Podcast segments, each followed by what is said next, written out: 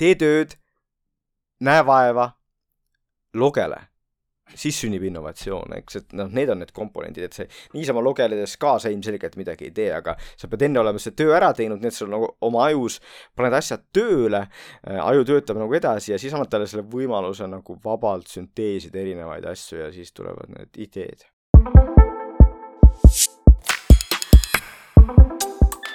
Seekord vestlen ma aju- ja tehisintellekti professori Jaan Aruga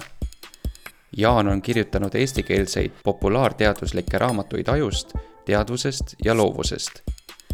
tema interdistsiplinaarsed teadmised võimaldavad meil vestelda erinevatel just praegu olulistel teemadel.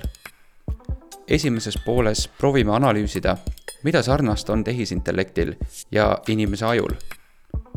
kuidas on ajuteadus mõjutanud masinõpet ning kuidas masinõpe aitab meil aju toimimist mõista chat-GPT näol on meil igaühele kättesaadav isiklik õpetaja, kes mitte kunagi ei väsi ja aitab just sulle sobivas vormis ja tempos soovitud teadmised omandada. vestluse teises pooles uurime, kuidas see mõjutab meie kooliharidust ning milline saab olema meie hariduse omandamine tulevikus minu arvates ei tohiks siin olla nii, et nagu on olnud nutiseadmetega laste puhul, et me lihtsalt anname neile ja loodame, et kõik läheb kuidagi hästi. pigem peaks olema nagu autovõtmetega, eks, et sa ei anna sellele kaheksa-aastasele autovõtmed, aga mine, kuule, käruta ringi, sa õpid ära selle ja kõik on hästi, on ju. Õnneks pole Jaanil ainult teoreetilised teadmised, vaid ka praktilised näpunäited, kuidas uusi tehnoloogiaid tervislikult kasutada ning need ennast teenima panna head kaasamõtlemist!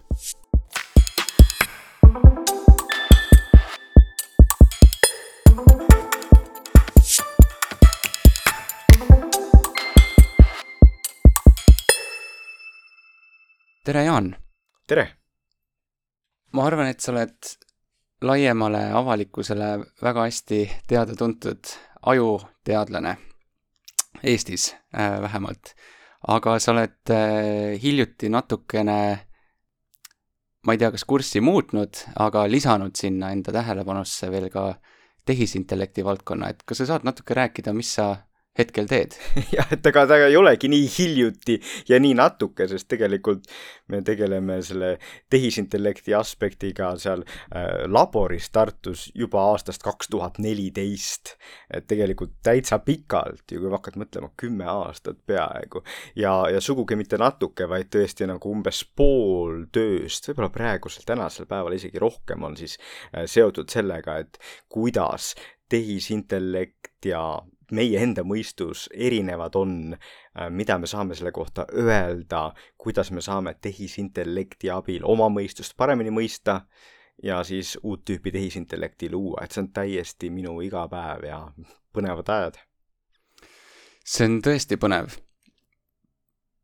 miks neid teemasid üldse koos käsitleda? jah, et see on mõnes mõttes minu jaoks nii loomulik, et äh, kui inimest, nagu mind, huvitab see, et kuidas meie mõistus töötab, siis otse loomulikult noh, võib rääkida ainult psühholoogilistes terminites, jääda ainult sellele tasemele, aga minu jaoks on alati põnevam olnud see, et noh, kuidas see masinavärk töötab meie ajus. ja kui sa seda mõtled, siis muidugi sa tahad teada ka, et kas on võimalik selliseid masinaid kuidagi teha,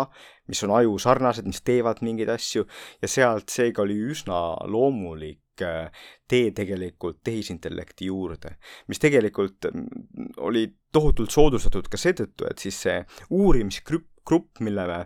aastal kaks tuhat kolmteist asutasime, mille juhiks siis tollal sai professor Raul Vicente, äh, see on ju või sai olema arvutiteaduse instituudis ja meie kodu on seal, et mina ise töötan seal, olen Arvutiteaduse Instituudi kaasprofessor ja seal on see tehisintellekti teema nii loomulik ja keskne. aga ma ütlen, see sobib ka mulle, sellepärast et ähm, noh, ainult psühholoogiast mõeldes sa jääd teatud piiridesse, ainult ajust mõeldes sa jääd teistesse piiridesse ja ka ainult tehisintellektist mõeldes sa jääd mingi oma mänguvälja välja sisse, aga minu töö käib tõesti nende kolme vahel. ja seda on tore näha, et ega maailmas ei olegi palju neid inimesi, kellel need teadmised on ja siis see tähendab, et mul on oma võimalus anda panus mitte ainult Eestis, vaid ka maailma teaduses. kas seda eesti keeles on õige nimetada arvutuslikuks ajuteaduseks? nojah, eks me nüüd olemegi natukene seda mõelnud, et kas me peaks ümber nimetama ja olemegi tegelikult labori ümber nimetanud, et me alustasime kaks tuhat kolmteist arvutusliku ajuteaduse laborina, aga siis oligi, kuna see aasta kaks tuhat neliteist, kus mitu meie doktoranti hakkas tegema järgi seda DeepMindi algoritmi, see, see tõi sellise muutuse, et tänapäeval me nagu arvutuslikku ajuteadust teeme vähe, me, me ei tee eriti mudeleid selle kohta, kuidas aju töötab, vaid mõtleme rohkem tõesti sellest, kuidas meie ajus asjad töötavad ja kuidas see siis seotud on tehisintellektiga, nii et võiks öelda, et meie labori nimi on loomuliku ja tehisintellekti loomuliku ja tehisliku mõistuse labor. Või ma hakkan praegu mõtlema, et võiks öelda aru- ja tehisaru labor. Aga see oleks liiga minukeskne, sest ma ei ole seal üksi, me tõesti professor Raul Vitsentega koos seda gruppi juhime ja aga, aga nii võib, nii võib öelda selle kohta jah, et meie põhiküsimus tänasel päeval on see, et kuidas meie aju töötab ja mida me siis saame nagu nüüd, kuidas see tehisintellektiga võrreldes on, mida me saame tehisintellekti juures paremaks teha, aga ka mis me saame omaenda mõistuse kohta aru tänu nendele tehisintellekti algoritmidele. ja seetõttu ongi nagu väga vahva just see praegune aeg, kus need kõik mõtlevad tehisintellekti algoritmidest äh,, siis me näeme, et, et meil on ka midagi öelda ja panustada. masinõppe valdkond, need närvivõrgud, et need on noh, ilmselgelt inspireeritud sellest, kuidas inimaju, eks, töötab ja sellest on palju räägitud ja, ja võib-olla seda on ka natuke valesti tõlgendatud, aga noh, laias laastus on see, noh, närvivõrgud töötavad nii, nagu nad töötavad. aga mida me oleme tehisintellektist õppinud selle kohta, kuidas aju töötab? Jah, et äh, siin peaks natukene nagu süvenema mõnda teemasse, ma katsun seda mitte liiga detailselt kirjeldada, aga näiteks äh, teatud tüüpi närvivõrgud, näiteks konvolutsioonilised närvivõrgud äh,, selgub, et nad ennustavad päris hästi seda, et milline on inimese aju vastus mingitele piltidele. ühesõnaga, sa annad samasugused pildid tehisnärvivõrgule ja inimesele kes on näiteks äh,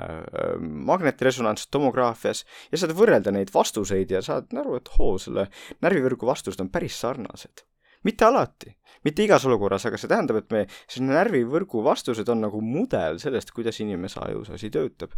ja siis ka neid mudeleid on tänapäeval ka keerukamaid, nad ei ole ainult enam nägemise kohta, vaid ka selle kohta, kuidas otsustusprotsessid sünnivad ja nii edasi.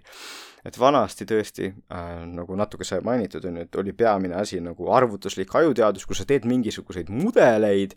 äh,, et selgitada seda, mis ajus toimub, aga tänapäeval on tegelikult aru saadud ja ka meie oleme aru saanud, et nagu see, need vanad tüüpi mudelid ei ole üldse nii kasulikud, vaid palju kasulikum on võtta neid tehisintellekti mudeleid, kus sa saad teha otseseid ennustusi nagu käitumise kohta ja sa saad ennustada mitmeid muid parameetreid, mida muidu nende klassikaliste arvutuslike mudelitega ei saanud. nii et tehisintellekt selles suhtes aitab küll nagu mõelda ajust ja ajust ka aru saada see on väga põnev, et kui seal konvolutsioonilises närvivõrgus see pilt on sarnane sellega, mis ajus, et kas siis sealt võib järeldada, et aju üleüldisemalt on midagi üldisemat, kui on inimese aju või tehisintellekt, et võib-olla ongi sellised üldised tajuprintsiibid, mis igas organismis või igas loodavas agendis tekivad? jah, et see on üks võimalus seda tegelikult vaadata, et seal on mingid universaalsed omadused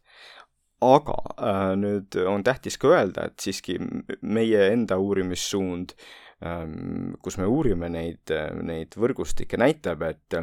teatud tüüpi ülesannetes need tehisnärvivõrgud ei ennusta, vähemalt praegused tehisnärvivõrgud ei ennusta seda, kuidas meie ajus asi käib, näiteks niipea, kui ma annan mingi sellise peitepildi, kus on natuke keerukam, sa pead nuputama, kuidas ta lahendada, siis ähm, tehisnärvivõrgud tavalised konvolutsioonilised võrgud, nad ei, nad ei selgita neid vastuseid ja ei saa selle ülesandega hakkama. ja siis meie just tegeleme selle poolega, et kus me teeme nagu teistmoodi keerukamaid psühholoogilisi katseid äh,, üritame aru saada, kuidas ajus toimub ja siis üritame luua ka uusi algoritme, et see võib-olla nagu selles suhtes illustreerib hästi meie lähenemist, et me ei tee, me teeme nagu, me ei tee puhast tehisintellekti, me ei tee puhast ajuteadust, me ei tee puhast psühholoogiat, vaid oleme just nende keskel nagu üritame uusi asju teha eelmiste vestluste kuulajate seas on ka inimesi, kes on võib-olla masinõppega kokku puutunud, võib-olla isegi mõni, mõni kolleeg. mis on veel need sarnasused, mida me oleme avastanud näiteks äh, inimaju ja tehisintellekti vahel?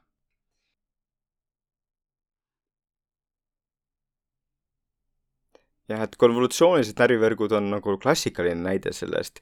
natuke üllataval kombel tegelikult siis transformerid, noh, mis on nagu need ähm, süsteemid, mis on siis nagu kõikide nagu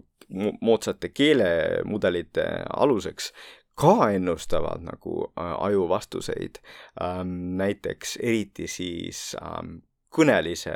teksti puhul, et kui inim-, näiteks seda teksti praegu siin, mida te kuulete, äh, me, me, me salvestaks selle kuulaja aju vastust sellele tekstile mis ma praegu räägin, ja samas äh, sisestaksime selle teksti ka äh, Transformerisse või sellesse suurde keelemudelisse, siis me näeksime, et selle keelemudeli vastused ka ennustavad siis seda aju aktiivsust ja tegelikult võimaldavad ähm, siis aju aktiivsuse põhjal välja lugeda, mida inimene kuulis. Ühesõnaga, et me salvestame selle, mis te, mis teie ajus praegu toimub, kuidas te juttu kuulate ja siis me kasutame seda äh, näiteks transformeritel põhinevat mudelit, et lugeda välja teie ajust, mida te kuulsite. see ei toimu päris sõna-sõnaliselt, aga äh, selle sisuliselt ta toimub, et, et saab aru, mis juttu te kuulsite, et te näiteks kuulsite midagi tehisintellektist ja, ja taolistest asjadest äh,. nii et siin on ka ilmselgelt äh, väga praktilisi asju näiteks selleks, et kui, kui, kui sellised mudelid nagu paremaks saavad, et saab äh, välja lugeda äh, sisu inimestelt, kes ei saa kõneleda näiteks mingisuguse piklikaju kahjustuse tõttu või mingil muul põhjusel ja nii edasi, et noh, väga palju praktilisi rakendusi on sellel ka. kas see tähendab seda, et kui ma võtaksin näiteks, ma ei tea, OpenAI-l on Whisper, siis mis see eestikeelne sõna on, kui sa teed kõnest teksti? Transcribing on inglise keeles, aga no las ta jääb, las ta jääb, noh, saame hakkama. Transcribe'id um, et sa võtad sellesama mudeli äh,, siis seesama mudel justkui, selle toimimine suudaks ennustada seda, mis aju, kuidas aju, aju sees inimene tajub teksti. Jah, just, et no mi-, millised aju aktiivsusmustrid on seotud milliste sisudega, jah, et seda, see ei, noh, praegu on nii, et sa pead ikkagi nagu treenima seda ka selle inimese ajuandmete peal natukene, aga tundub võimalik, et seda nüüd viima-, järgmistel aastatel kohe ka näidatakse, et äh, on võimalik ilmselt ka mingeid selliseid üldiseid nii-öelda kas kutsume neid mõtete lugemisalgoritmideks ähm, nagu luua, jah. kui me räägime ajust, siis ma arvan, et palju inimesi ma arvan, ka sind äh, alguses on võib-olla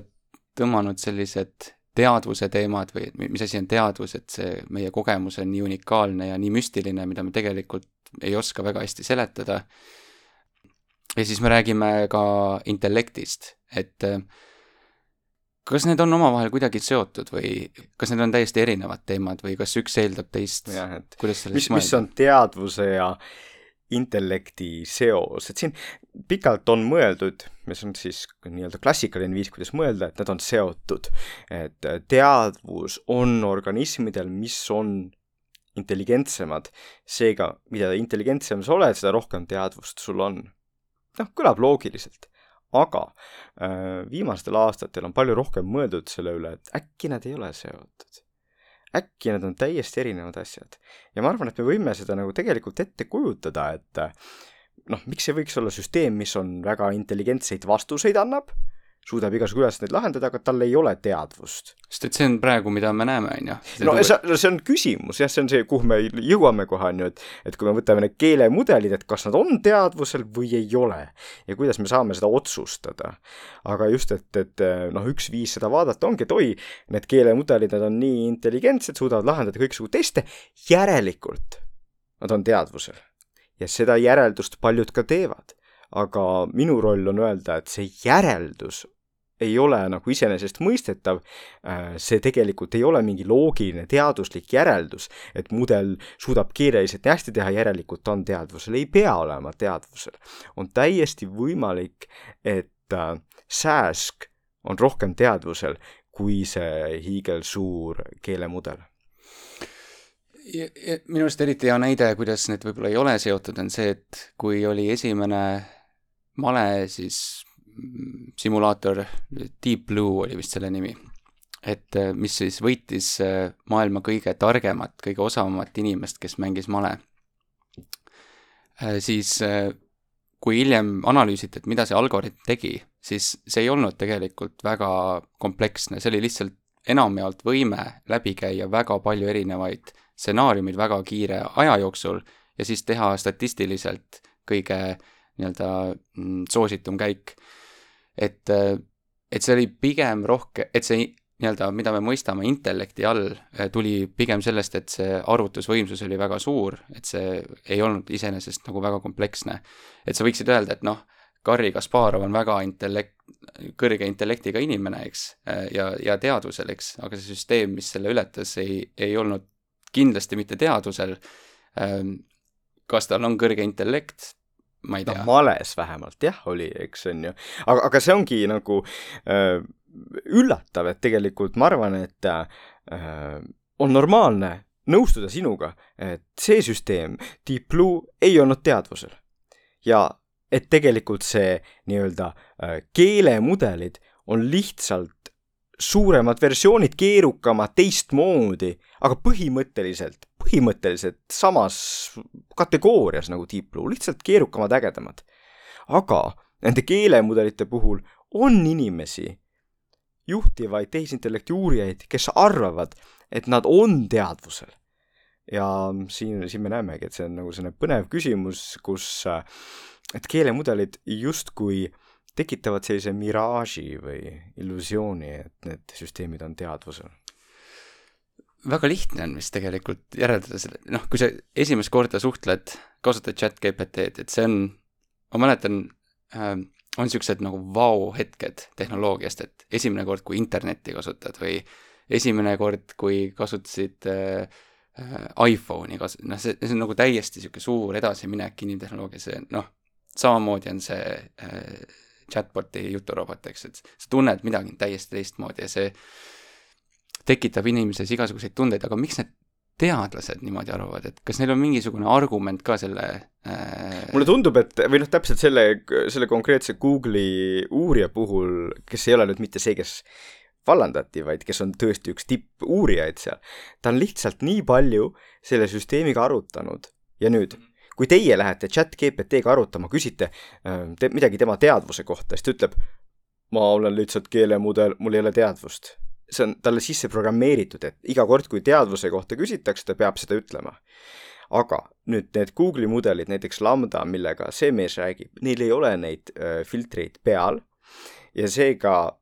kui ta räägib temaga teadvuses, siis see mudel vastabki talle kõike nagu peegeldab nagu kõike nagu teadvuse kohta. ja siis tema visioon on tõesti see, et oot, aga inimesed pole ka midagi teistmoodi, et me ka lihtsalt nagu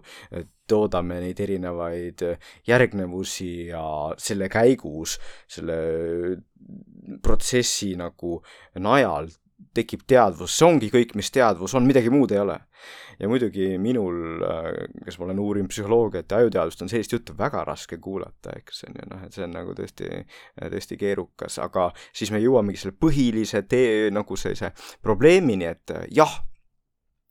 minul on tugev äh,, tahaks öelda, intuitsioon nagu selle põhjal, mis ma olen aju kohta uurinud, et need süsteemid ei ole teadvusel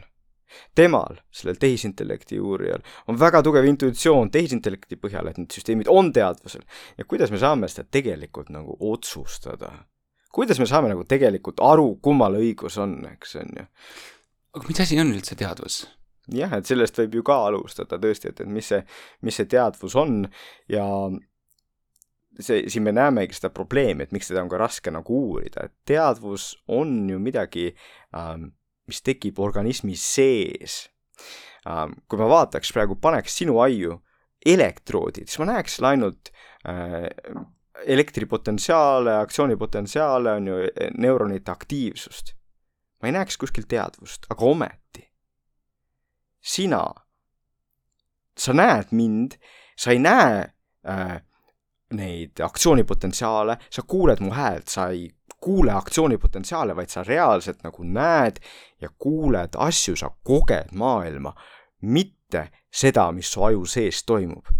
ühesõnaga on toimunud siin transformatsioon, kus aju sees toimuvatest elektrilistest sähvatustest kuidagi on tekkinud see tunne olla keegi, kuulda, näha.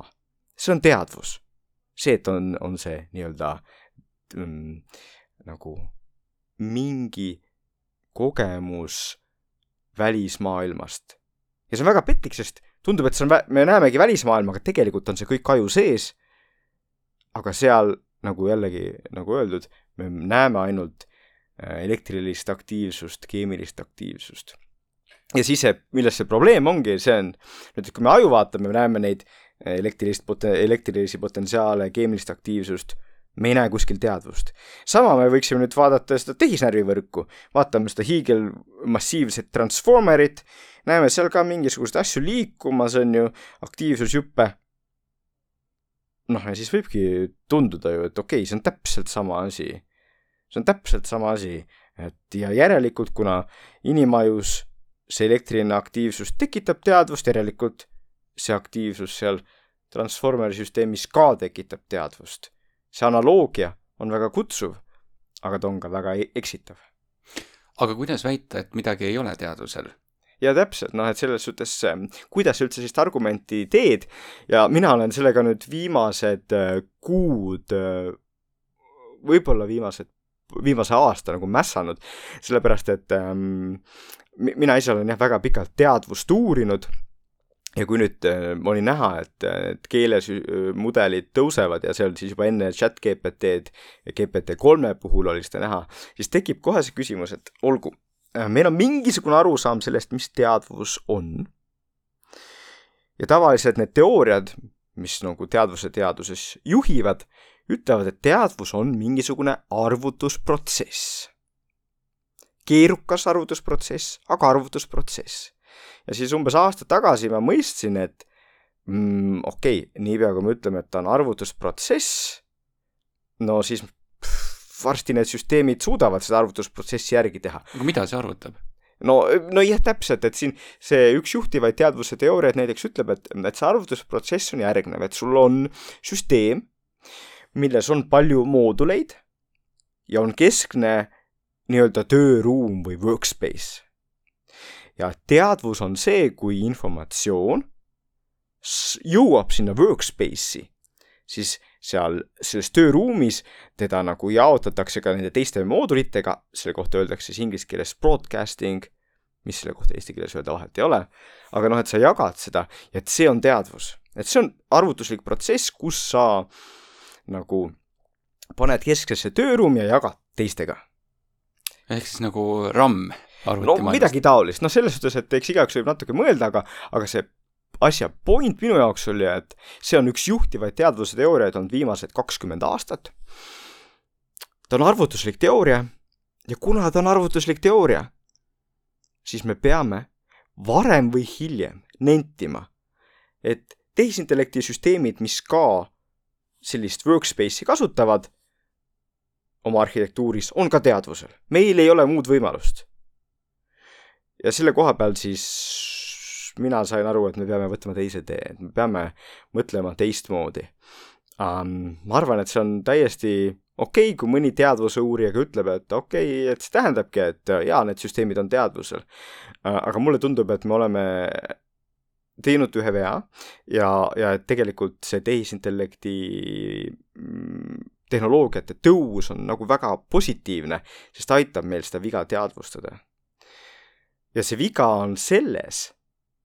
et me oleme ajaloolistel põhjustel kognitiivteaduses ja ka kognitiivses ajuteaduses teinud eelduse,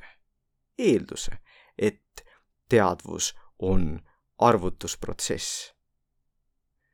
oleme teinud eelduse, et teadvus on nagu tarkvara. aga tegelikult, tegelikult ta ei pruugi seda olla. Ja et me peame esiteks seda teadvustama, et me, meil tegu on eeldusega, mitte mingi asjaga, mida me teame, vaid eeldusega. ja, ja, ja see probleem on, et äh, nagu see on midagi, mis minu jaoks on selge ja meie grupi jaoks on selge, aga nüüd, kuidas me siis seda laiale teadusmaailmale nagu selgitame, kes see kuulab neid tobusid eestlaseid, eks on ju, noh, et see, see, see on nagu raske on see teaduse mäng, aga, aga nii see käib, et sa enda arvates saad millestki aru, nagu mina olen aru saanud ja siis sa üritad seda nagu teistele selgitada äh,, neile seda, seda nagu selgeks teha. aga see on väga põnev, et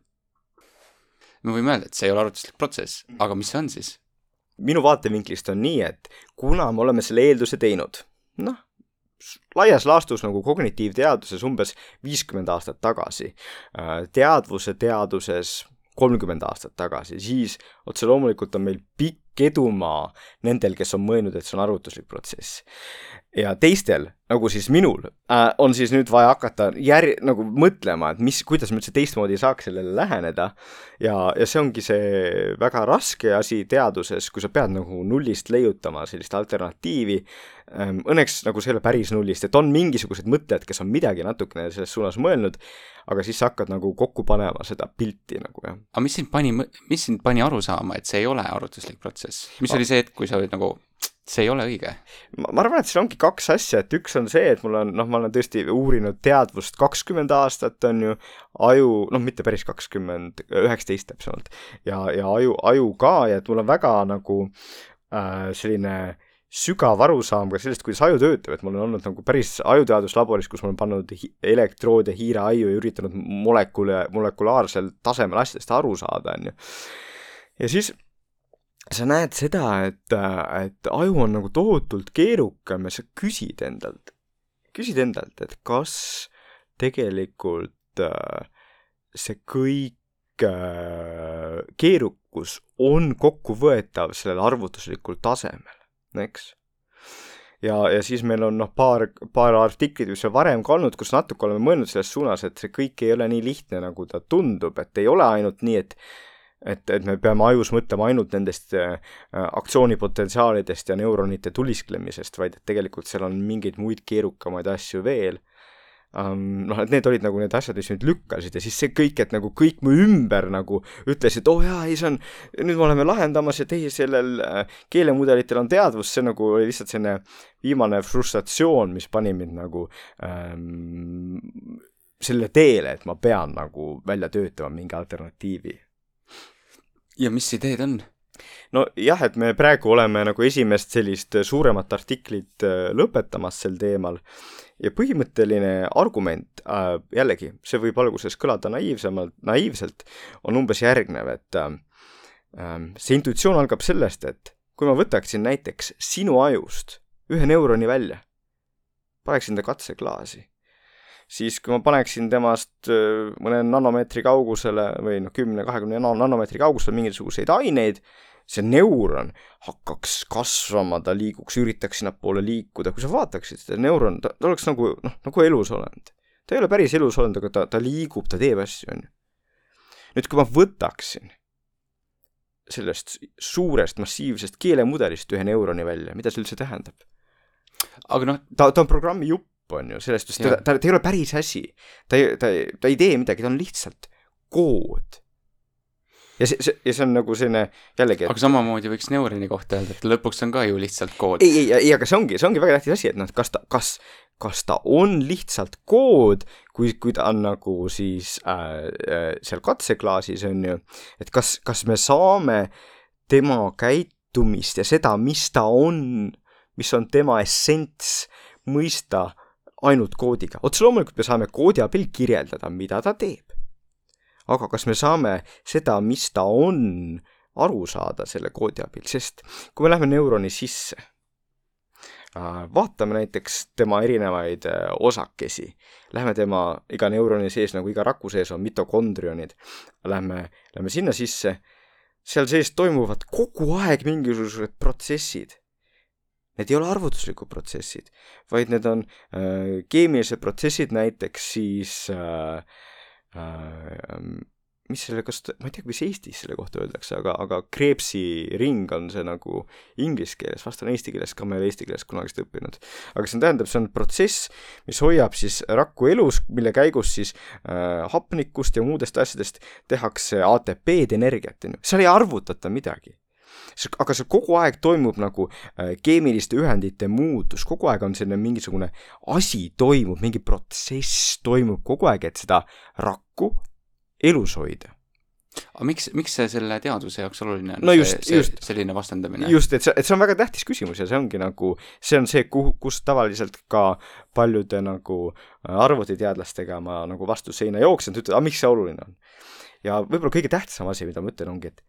ma ei tea ja ma ei ütle, et see kindlalt oluline on, aga ma ütlen, et me teeme vea, kui me arvame, et kõik oluline on arvutuslikul tasemel. ma ei ütle, et see, millest ma just rääkisin, kõik see on oluline, aga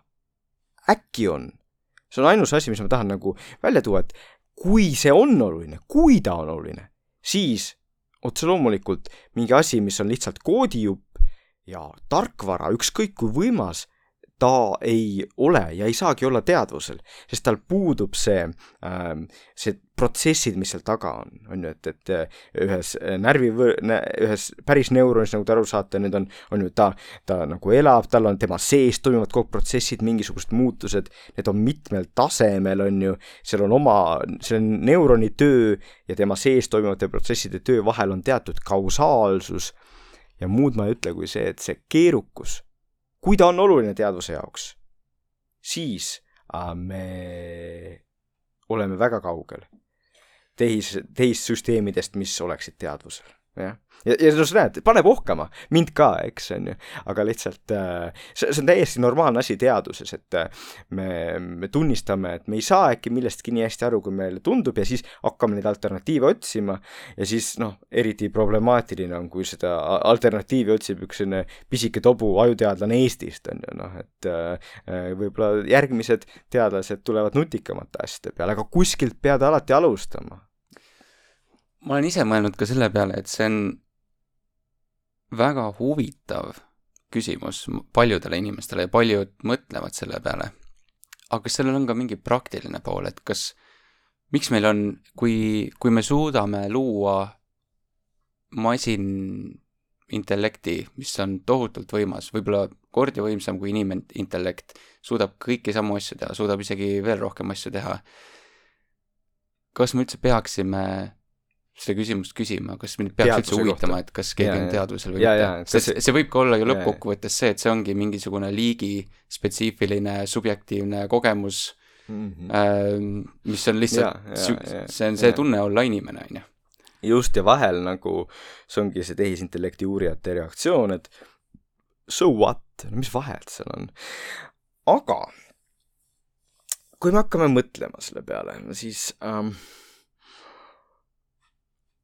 see, minu arvates see suur vahe tuleb sellest, et on liikumisi, ma ei tea, Eestis vist veel mitte nii palju, aga, aga seda on, seda juttu on olnud, et me peaksime tehisintellekti jaoks looma omad seadused. Ja ma ei mõtle mitte tehisintellekti kasutamise jaoks, vaid selle jaoks, et, et kuidas tehisintellekti võib suhtuda, mida talle võib öelda, kas teda tohib kinni panna või ei, noh, et inimesed mõtlevad, et me peaksime tehisintellekti jaoks looma seaduseid justkui inimeste jaoks on loodud seadused, eks. ja siin, selles aspektis on väga tähtis, kas see süsteem on teadvusel või ei ole. sest kui ta tegelikult ei kannata, tegelikult ta ei tunne midagi, no siis ei ole ju vahet, kui keegi talle vahepeal ütleb loll pea ja ta kinni paneb, eks see teema oli üleval paar aastat tagasi, keegi, keegi tahtis, tahtis, et arutaksime selle üle, et kas me peame robotite ja tehisintellekti jaoks nagu looma seadused ja muretsema selle pealt, et mida nendega tohib ja mida ei tohi teha, siis ma ütlesin, kuulge, iga suvi sureb Eestis miljoneid sääski mitte keegi ei muretse nende pärast, aga on täiesti võimalik, et sääskedel on rohkem teadvust kui nendel keerukatel keelemudelitel. ja seega peaksime esiteks siis sääskede seadustega tegelema või veel teistmoodi öeldes, et niipea kui hakkame ressurssi panema ja on inimesi, kes tõesti nagu Ameerikas räägivad, et peame panema ressurssi sellesse, et, et arendada neid seaduseid ja ja neid tehisintellekti õiguseid, kui paneme ressurssi sinna, me võtame mujalt ressurssi ära ja minu arvates sel hetkel, kui me saame aru, et, et need süsteemid ei ole teadvusel, siis me võiksime parem seda ressurssi panna teadvusel olendite hoidmisele ja nende olukorra parendamisel, selle asemel, et seda raisata süsteemide peale, millel ei ole teadvust, nii et jällegi, ma ei ütle, et neil ei ole teadvust, ma lihtsalt vastasin su küsimusele, et kas sellel on mingi praktiline äh, tagajärg või tulemus. kui tulla korra tagasi selle intellektuaalse võime ja teadvuse juurde, et kas meil on mingisuguseid näiteid, kus äh, võib-olla teadvusel olek on oluline nii-öelda järgmise äh, taseme saavutamisele intelligentsi mõttes, et sul ongi vaja olla teadlik, et teha sellist tüüpi mingisugust mõtlemist, järeldust jaa, et, et noh, me rääkisime sellest lühidalt, eks, on ju, et, et on tänapäeval nagu inimesi, kes mõtlevad, et teadvus ja intellekt on erinevad. aga see raske fakt on, nende jaoks raske fakt on see, et tegelikult ikkagi teadvuse väliselt me teeme ainult lihtsamaid asju. et äh, suudame autot juhtida ähm,, kõndida, tegeleda mingite lihtsamate asjadega ja niipea, kui asi läheb keerukamaks, siis ikkagi teadvus tuleb äh, mängu, noh, kujutage ette seda olukorda, et te olete autoroolis, te olete väga hea sõitja, aga nüüd äh, mingi eriti keerukas olukord, te näete, prügiauto keerab ette midagi, siis koheselt äh, me, me nii-öelda loomulikult tuleme nagu olukorra juurde täie teadvusega tagasi ja, ja nüüd teeme neid otsuseid. nii et selles suhtes ikkagi, kui vaadata neid fakte selle kohta, et millistes olukordades me tegelikult keerukaid olukordi lahendame, siis tundub, et nagu teadvus on seotud selliste äh, uute keerukaid lahendusi vajavate ülesannete ja olukordadega, et teadvus on selles suhtes nagu keskne tööruum, kuhu tulevad kõik otsustusasjad kokku ja siis tehakse mingi üldine otsus. kui liigume sinna tehisintellekti poolele, et mis sinu esimene kogemus chat GPT kasutamisel oli? jah, et ma enne, enne kui ma olin seda kasutanud, siis ma olin muidugi väga palju juba teaduskirjandust äh, lugenud ja, ja tegelenud erinevate asjadega, nii et kui ma sain nagu käed külge, siis ma hakkasin muidugi temaga kohe teadvusest rääkima, aga siis ma nägingi, et oh, juudas, et sellele on kõik need filtrid peale pandud, et ta tegelikult ei ütle midagi huvitavat ähm, teadvuse kohta ja siis, eh, siis muidugi jällegi psühholoog minus üritas igasugu äh, le äh, vigu leida kohe ja selle algse versiooni puhul, mis novembris tuli, noh, oli neid vigu võimalik väga lihtne ka leida. aga mis siis tore on ja väga nagu põnev, on ikkagi see, et see neli punkt null see versioon, mis, see versioon, mis praegu on, noh, et see on nii palju parem, et mina isiklikult näiteks kõige ehedam näide on see, et kolme koma viiele annad eestikeelsed üheksanda klassi riigieksamid keemias, matemaatikas, no ta eksib ja saab null punkti ja neli punkt null lahendab perfektselt äh, jah, et see on nagu väga suur hüpe ja, ja noh, et mina olen nagu nendes kontekstides palju nagu äh, proovinud ja mänginud temaga. huvitav äh, mõte sellest teadvusest selles äh, chat GPT-ga suhtlemisel oli, et äh, ma kuulasin kui äh, Sam Altman käis äh, Lex Friedmani podcast'is, et ta tõi hea näite, mida see Ilja Stutzkever äh, tõi üheks võib-olla selliseks mõtteharjutuseks, et kuidas saada aru, et tehisintellektil on tekkinud midagi sarnast kui teadvus. et kui sa treeniksid GPT-4 näiteks selliselt, et sa peidad treeningandmetest ära igasuguse referentsi sõna, sõnale teadvus või igasugusele kogemusele, mis kirjeldab teadvust. ja sa selle GPT nelja, siis selle mudeliga ähm, äh, suheldes äh, see mudel ise hakkaks sulle kirjeldama kogemust, mis oleks sarnane teadvusega jah, äge mõte, eks um,. Nad võiks seda ju teha ka, aga nad lihtsalt kahel räägivad lihtsalt, et seda, seda võiks ju proovida lausa nagu. ja ongi, see, see on suur vahe nagu, et kui nad oleks nagu teadlased, siis nad prooviks midagi taolist, aga nad on, noh, nemad on ettevõte. no seal on probleem ka see, et ühe selle GPT mudeli treeniga üle poole aasta ja, kümne miljoni no,, et seda no, ja, ja et te, teadlasel on hea naerda selle üle või, või seda niimoodi tögada, aga tegelikult ju ükski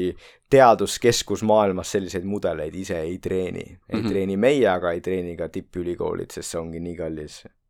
kas sa oled lihtsalt nii-öelda eksperimenteerinud või sa tõesti kasutad seda kui abilist igapäevaselt enda töö tegemiseks? no seal on tähtis öelda ja ma usun, et kõik, kes on seda proovinud, kes seda näevad, et kui sa oled ikkagi oma valdkonna ekspert noh näiteks mina olen teatud teemades maailmas äh, ekspert, on ju, siis sellest asjast ei ole enam nii palju kasu, sest et äh, ta teab keskmiseid inimteadmisi super hästi, nii et ta teab nendest teemadest, kus mina ei tea, näiteks keemiast, väga hästi, ma saan talt õppida keemiat, on ju, või mingite muude asjade kohta, aga kui ma siis hakkan temaga rääkima või kasuta-, üritan teda kasutada oma artikli kirjutamises, noh, sellest ei ole kasu, sest et ta ei tea neid asju, mida mina tean, et seal ma ikkagi näen, et, et seal kohas on inimaju, inimaju veel nupukam, et kus, kus me jõuame päris sinna nagu teadmiste piiri peale, et ta ei suuda nagu sünteesida, mul ei ole ta kordagi sünteesinud nagu midagi uut ja usu mind, olen proovinud. Seda on ka eelmised külalised öelnud, et eksperttasemel ta kindlasti ei ole kasulik, aga just millegi uue äraõppimisel, mis on selline esmased teadmised, on see väga-väga-väga kasulik. absoluutselt, absoluutselt ja siin me jõuamegi sellesse ühte valdkonda, millega ma ka nii palju tegelen, on ju, on see kooliharidus. ja noh, kus on tähtis öelda, et need süsteemid tulevad, nad on siin, me peame nendest teadlikud olema, aga mis kõige tähtsam, see oht on, et õpilased kasutavad neid nii valesti, nad kasutavad lihtsalt ülesannete ärategemiseks ja nad äh, seega ei õpi mitte midagi. aga tegelikult need süsteemid, nad annavad võimaluse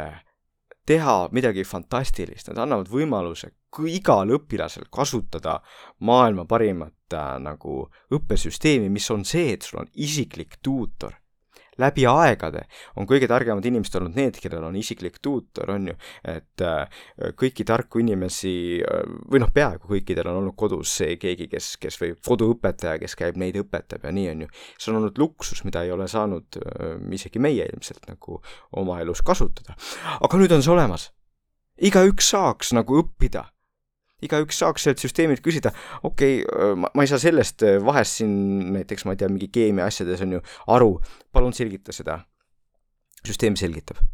mm,. see jäi ikkagi natukene keeruliseks, palun selgita veel lihtsamalt. süsteem selgitab. sest võimalust ei ole koolis. aga nüüd see süsteem pakub selle võimaluse, nii et kui me jõuaks sinna, et iga laps nagu teaks, et see süsteem niimoodi tuleb kasutada, siis meil oleks võimalik nagu tegelikult äh, terve Eesti või miks mitte nagu terve maailma nagu äh, ajusid arendada. aga kui me seda ei tee, me ei selgita, kuidas seda kasutada, siis see süsteem tegelikult toob rohkem kahju, sest et inimesed kasutavad oma mõtlemist veelgi vähem, nii et, nii et selles suhtes see, see ajab mind ka hulluks, et tal on nii palju potentsiaali, aga kui teda kasutada ilma mõtlemata, siis see nii-öelda vaike seadistus tegelikult toob rohkem kahju kui kasu. aga sa oled väga palju äh, rääkinud ka õppima õppimisest ja, ja mis on vaja ajul, et olla efektiivne õppija.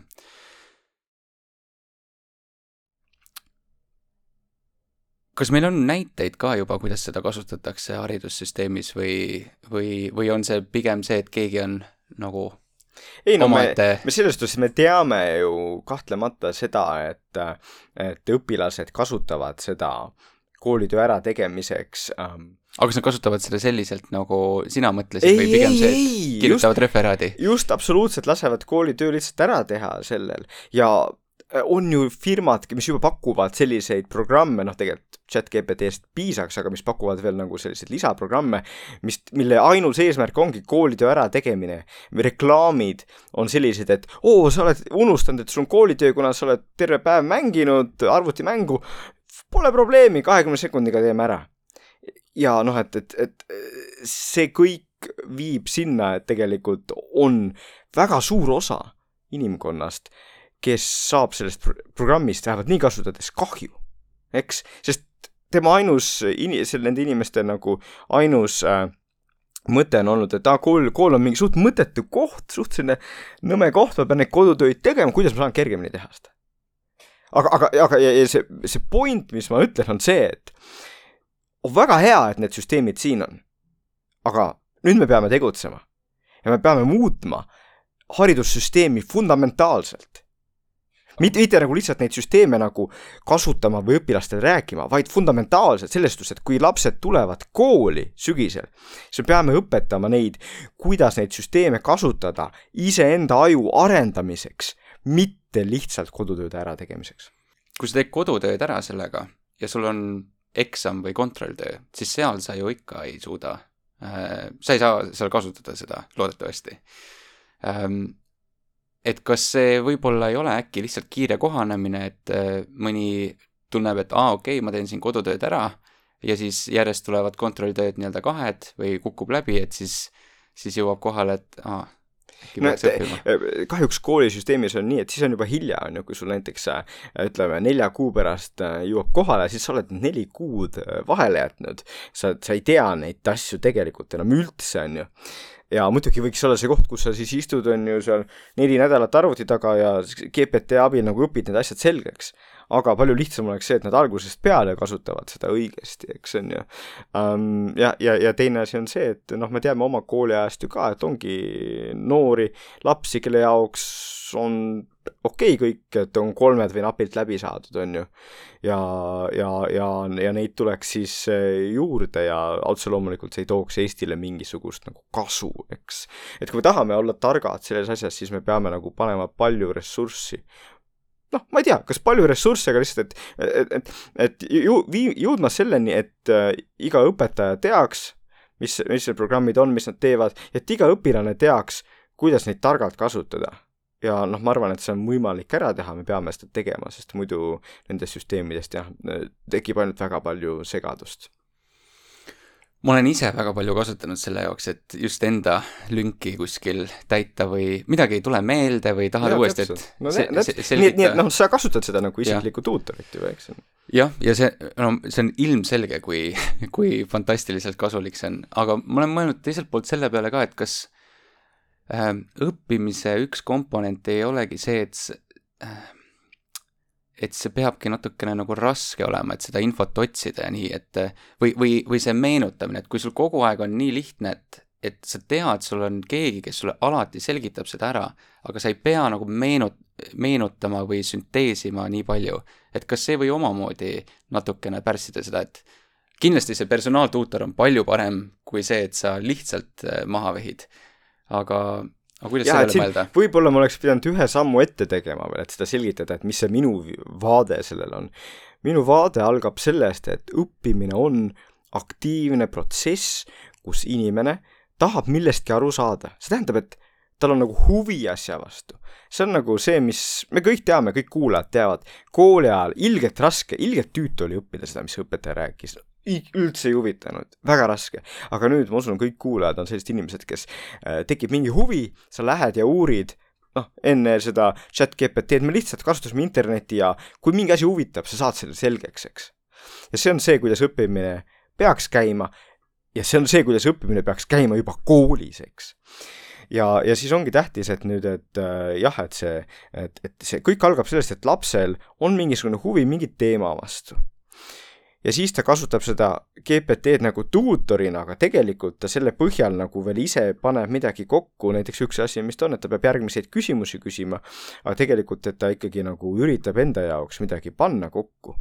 et üks visioon, mida, mida võiks ju laialt levitada, on see, et tegelikult õpetaja annab äh, ülesande igale lapsele nagu oma mingi teema kohta, ütleme mingis valdkonnas, näiteks äh, loodusõpetus, midagi endale selgeks teha, lapsed lähevad koju, teevad GPT abil selgeks nüüd klassis kõik lihtsalt esitavad näiteks kümne minuti jooksul või viie minuti jooksul olevat klassist äh, seda, et mida nad on õppinud. Nad esitavad seda teistele. siis sa tegelikult, noh, sa pead olema sünteesinud ja ise midagi teinud ja, ja, ja siis selline mudel nagu oleks see, mis, mis viib edasi, eks aga see on ju nii palju vaeva, sa pead ju välja mõtlema mingid individuaalsed küsimused, projektid, palju lihtsam on ju niisugune test, neli vastust ette, randomiseerid seal. No ja, ja no kui me õpetaja perspektiivist räägime, siis palju lihtsam on veel, et sa nagu sa ka selle neli vastust sa küsid GPT-lt on ju ütled, et mul oleks vaja selline multiple choice küsimustik, et palun tee mulle sellel, ma ei tea, ajaloo või ühiskonnaõpetuse või keemia teemal, eks. muidugi, aga ma arvan, et tegelikult just ongi ja seda ma olen oma, oma raamatus ka nagu esitanud, et me peame kõik tegema selle muudatuse, et me saame aru, et õppimine on selline aktiivne protsess ja et õpetaja ülesanne on seda, seda toetada. keegi ei ütle, et see on lihtne, aga et süsteemid on siin. Me peame midagi muutma, me peame neid asju muutma, sest kui me ei muuda, me ei muuda seda, kuidas me õpetame, me ei muuda seda, mis kodutöid me anname, me ei muuda seda, kuidas me õppimisse suhtume, me ei muuda seda, kuidas me kodutöid teeme, siis see läheb väga halvasti või noh, selles suhtes noh, ma vahel ütlen, et meil Eestis maavarasid eriti ei ole, meil on ajuvarad, peavarad ja siis me nagu küll neid peavarasid ei hoia. aga meil tegelikult on, on võimalus siin nagu. kindlasti on ja see on, annab ühelt poolt nagu palju lootust. tead sa ise mõnda õpetajat või mõnda initsiatiivi haridusmaastikul, kus juba keegi katsetab seda, kas keegi on andnud mingeid juhendeid näiteks oma õpilastele või või? jaa, on, on ikka neid õpetajaid ka, et äh, tihtipeale on nad informaatikaõpetajad, kes, kellel on endal nagu rohkem huvi, nad on seda äh, chat GPT-d katsetanud ja siis, kes räägivad sellest õpilastele, räägivad sellest teistele õpetajatele. ikka on neid jaa, et selles suhtes me Eestis oleme ju, me oleme üks vahva riik, et me nagu, meil on nii palju neid inimesi, kes tahavad uutmoodi mõelda ja teha. nii et noh, ma ei näe seda üldse võimatuna. üldiselt jah, õpetamine on selline nii-öelda iidne kunst, kus on kõigil nagu oma mingid sisseharjunud rajad, aga, aga, aga põhimõtteliselt nagu on inimesi, kes seda juba teevad ja ma arvan, et üheskoos nagu saame sellele veel rohkem tähelepanu juhtida ja peamegi tegema seda. sa oled rääkinud ka palju sellest, et, et mingil määral on vaja ikkagi nagu fakte ka äh, õppida, mis noh, lihtsalt tuleb mingid asjad pähe õppida, et sul oleks üldse võimalust luua mingeid uusi kombinatsiooni või sünteesida nende põhjal mingisuguseid teadmisi. ilmselt siis, kui juba internet või Vikipeedia tuli, et noh, et miks ma pean selle pähe õppima, on ju, et siin guugeldan, kohe saan või noh, miks ma pean endale selle selgeks tegema isegi, kui chat GPT lihtsalt selgitab mulle seda et äh, kuidas sa seda nagu näed selles jaa, jaa, et siis see on hästi selline küsimus, mida õpetajad alati tõstatavad, et õpilased ründavad neid selle küsimusega, siis ongi kaks vastust. esimene vastus on see, et äh, õpilased äh, oma piiratud mõtlemises, nad tihti alahindavad seda, et kui palju olulist suhtlust toimub ikkagi tegelikult näost näkku, tahad olla äge startup'i tegija, ettevõtja sa pead olema võimeline õhtusöögilauas nende investoritega tegelikult juttu rääkima. ja kui sa siis ei tea, kes on Dostojevski või Beethoven või mis on pronksi aeg, no keegi ei anna sulle raha ka siis, eks, kui sa ikka oled, sa ei tea neid baasasju. sa ei hakka telefoni välja võtma. ja, ja, ja õpilased ei ole sellele mõelnud tegelikult, aga see on üks asi, mida peab ütlema, et nagu ähm, lihtsalt kui sa tahad olla nagu edukas või no, lihtsalt normaalselt hakkama saada, siis sa pead teatud baasasju teadma, on ju. ja teine asi on muidugi see, et kui me räägime ikkagi nendest inimestest, kes tahavad tõesti nagu innovatsiooni teha, ükskõik ettevõtluses, teaduses, kunstis, ühiskonnas, ükskõik kus, siis selleks, et innovatsiooni teha, on sul vaja seda, et sul on teadmiseid. sul on vaja seda, et sul on ajus need nii-öelda teadmise tükid, sest jah, välismaailmast mingisugune infokild võib sulle tuua uue mõtte. aga ta teeb seda ainult siis, kui sul on need teadmised ajus olemas. teisisõnu, inimene, kellel ei ole neid teadmisi, ta võib näha seda infokildu. see ei tähenda tema jaoks mitte midagi. see ei oma tema jaoks mingit mõtet. see ei vii tema jaoks innovatsioonini. aga kui sul on need teadmised ajus olemas, sa saad aru, miks see oluline on. sest see täidab mingi lünga, mis oli sinu ajus äh, nagu seal mõtetes. ja see on ka aspekt, mida nüüd ähm, koolilapsel on raske mõista äh,, aga mis tegelikult nii on, et kui me mõtleme sellest, kuidas nagu innovatsioon ja uute ideede peale tulek ajus tegelikult käib.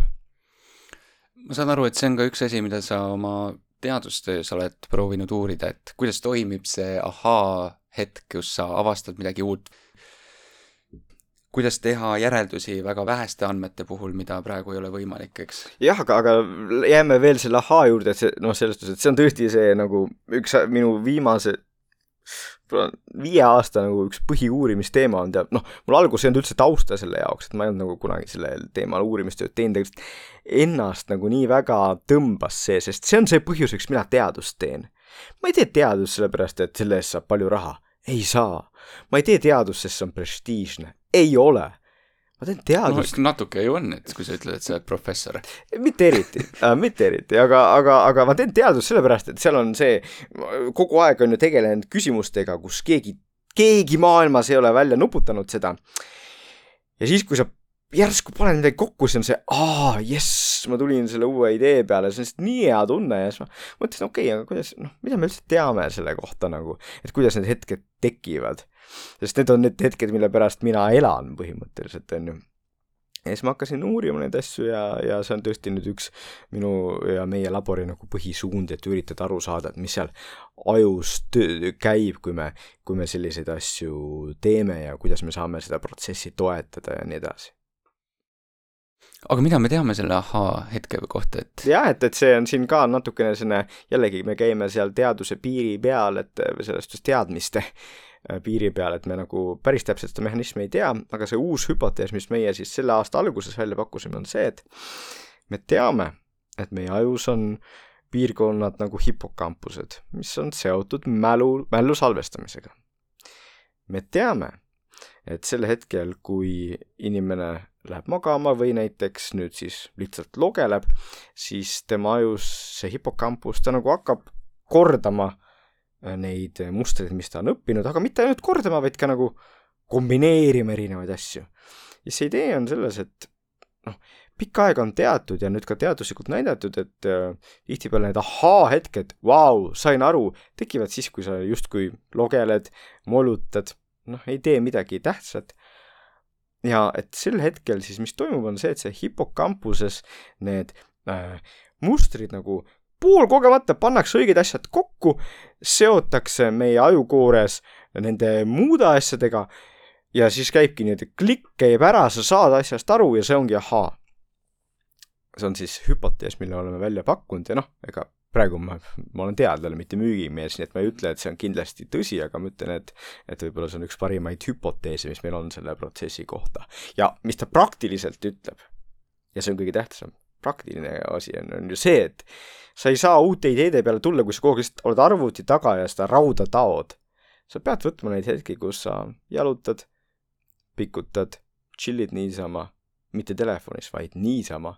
ja teed, teed muid asju, mis sul nagu lasevad mõtte vabalt liikuma eks, ja see on üks asi, mis ma ise olen väga palju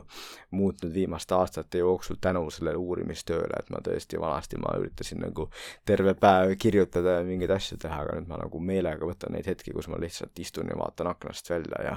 võiks mulje jääda, et mida sa teed, sa ei tee ju tööd. aga tegelikult, tegelikult need on tähtsad tööhetked. see on väga hea point, ma olen ise kontoris ka märganud seda, et noh, ikka vahel tunned, et kuul jookseb kokku või noh,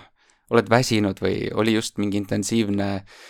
tööperiood, eks ju, või mingi koosolek ja siis ikka ju lähed arvutisse, vahid nagu, ah, mingid sõnumid on siin, mingid kirjad, on ju, vaatad, ütleme nii, täidad seda vahemikku. ja siis ma saingi aru, et noh, seal ei ole, kui sa nii päeva veedad, sul ei olegi ühtegi pausi tegelikult, kus sa, esiteks, et kus sa saad puhata ja teiseks, et kus sa saad lasta enda nii-öelda ajust siis mingitel mõtetel kerkida, et sa lihtsalt reageerid kõigele. ja siis ma hakkasin tähele panema kontoris inimesi, et aga seal on mingid inimesed, kes ei vahi kogu aeg ekraani, tõusevad püsti või lihtsalt istuvad niisama. ja, ja see ongi, noh, ilmselt paljud, paljudel inimestel, noh, osa inimestele jõuabki see arusaamine, et tegelikult on vaja ikka jah, või mõni teeb täitsa loomulikult, noh, sest ja. see on me, see, mida meie aju tahab tegelikult nagu, nagu vahepeal rahulikult olla ja see, ja siin on kaks probleemi, üks probleem on see, kui ülemus nagu arvab, mida sa passid seal niisama, tee tööd, on ju. Siis nendele ülemustele tuleb tõesti nagu selgeks teha et ajuteadus näitab, et see, selline nii-öelda, nii-öelda passimine on, on nagu üks kõige paremaid asju, mida teha. ja teine aspekt on muidugi see, et tänapäeva need vahendid, nagu siis näiteks nutitelefonid äh,, nad pakuvad seda, et meil on siis igas, igas hetkes võimalik ta välja võtta ja seal lõputult mingit sisu tarbida, mis omakorda võtavad seda, kogu seda lugelemisaega ära, nii et ma vahel ütlen, et see lugelemine on kaduv kunst, kuna lihtsalt noored nagu üha vähem nad lugelevad, see tundub nii mõttetu ja ebaproduktiivne, et ma loen parem mingit artiklit nagu sealt telefonist, ei, tegelikult äh, ideede jaoks on väga produktiivne, kui me vahepeal niisama lugeleme. jaa, aga artikli lugemine on ju raske, see nõuab ju pingutust ja ei no selles suhtes, et ma mõtlesin just antud juhul mõtlesin seda nagu äh, sellist nagu mingit lihtsaid asju, et sa vaatad nagu erinevaid asju nagu, aa ma tšekin mingeid uudiseid ja et see on väga mm, -hmm. see on palju parem kui niisama olemine, aga ei ole nagu niisama olemisest mhm. paremini mm. -hmm. Ähm, niisama olemisest äh, palju paremaid asju ei olegi. et, et oleks kõigile selge, et ma ei ütle ka, et siin peaks nagu terve päeva veetma nagu duši all, on ju, et ideid ideid ootamas, ei yeah., me peame tööd tegema, me peame nagu vaeva nägema mm. -hmm. ja kõige paremini ongi seda võimalik selgitada siis öeldes nagu või parafraseerides Tammsaaret öeldes, et tee tööd, näe vaeva, lugele siis sünnib innovatsioon, eks, et noh, need on need komponendid, et see niisama lugeledes kaasa ilmselgelt midagi ei tee, aga sa pead enne olema see töö ära teinud, nii et sul nagu oma ajus paned asjad tööle äh,, aju töötab nagu edasi ja siis annad talle selle võimaluse nagu vabalt sünteesida erinevaid asju ja siis tulevad need ideed. lisaks chat GPT-le on igasuguseid muid väga põnevaid tehisintellekti mudeleid tulnud, mis genereerivad pilte vastavalt sinu enda soovile ja kirjeldusele. ja noh, sellise loovate tekstide jaoks võib ka chat GPT-d kasutada, et mitmed kunstnikud, disainerid, kes neid pilte loovad, tunnevad võib-olla, et noh, et kas neid on enam vaja või et mis see, mis see loovus siis üldse on, et et kui see mudel suudab luua nii, nii, nii häid asju, et kuidas see võib meie sellist nii-öelda visuaalset loovust mõjutada, et kas jaa, no et ongi, et visuaalset ja, ja teine asi siis tekstilist on ju, et, et need on kaks asja, mis meil praegu olemas on tõesti. Um,, ja, ja musikaalne loovus tuleb ka kohe, on ju, või, või osati on juba, et kõikide nende aspektide puhul, kus siis uh, on need programmid olemas või kohe tulemas, on selge, et nad äh, muudavad väga seda tööpõldu, sest ehkki need programmid äh, ei tee tipphelilooja tasemel tööd, nad ei tee tippkunstniku tasemel tööd, nad ei tee tippkirjaniku tasemel tööd, siis selle keskmise taseme, kus paljud inimesed töötavad, sellel tasemel nad teevad asju. ja nad teevad efektiivsemalt, kiiremini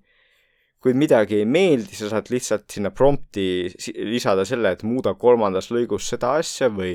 muuda kogu selle teksti üldist tooni helgemaks, muuda seda, seda üldist juttu professionaalsemaks, kõike saad teha niimoodi ülikiiresti, mis inimese puhul iga samm võtaks, võtaks, võtaks päeva või mitu päeva, eks. nii et seal ei ole mitte midagi teha, see muudab nende inimeste elu, see äh, mingi aja perspektiivis nüüd siin ta kindlasti kaotab osa töökohti um,. lihtsalt inimene peab, peab nagu väga teadlik olema sellest, et mida need programmid suudavad ja siis leidma nagu oma niši, noh näiteks ilmselgelt uh, see ülemus, kes võib-olla tahaks vallandada seda disainerit näiteks, kui see ülemus ise ei oska nii hästi promptida neid süsteeme, aga see disainer oskab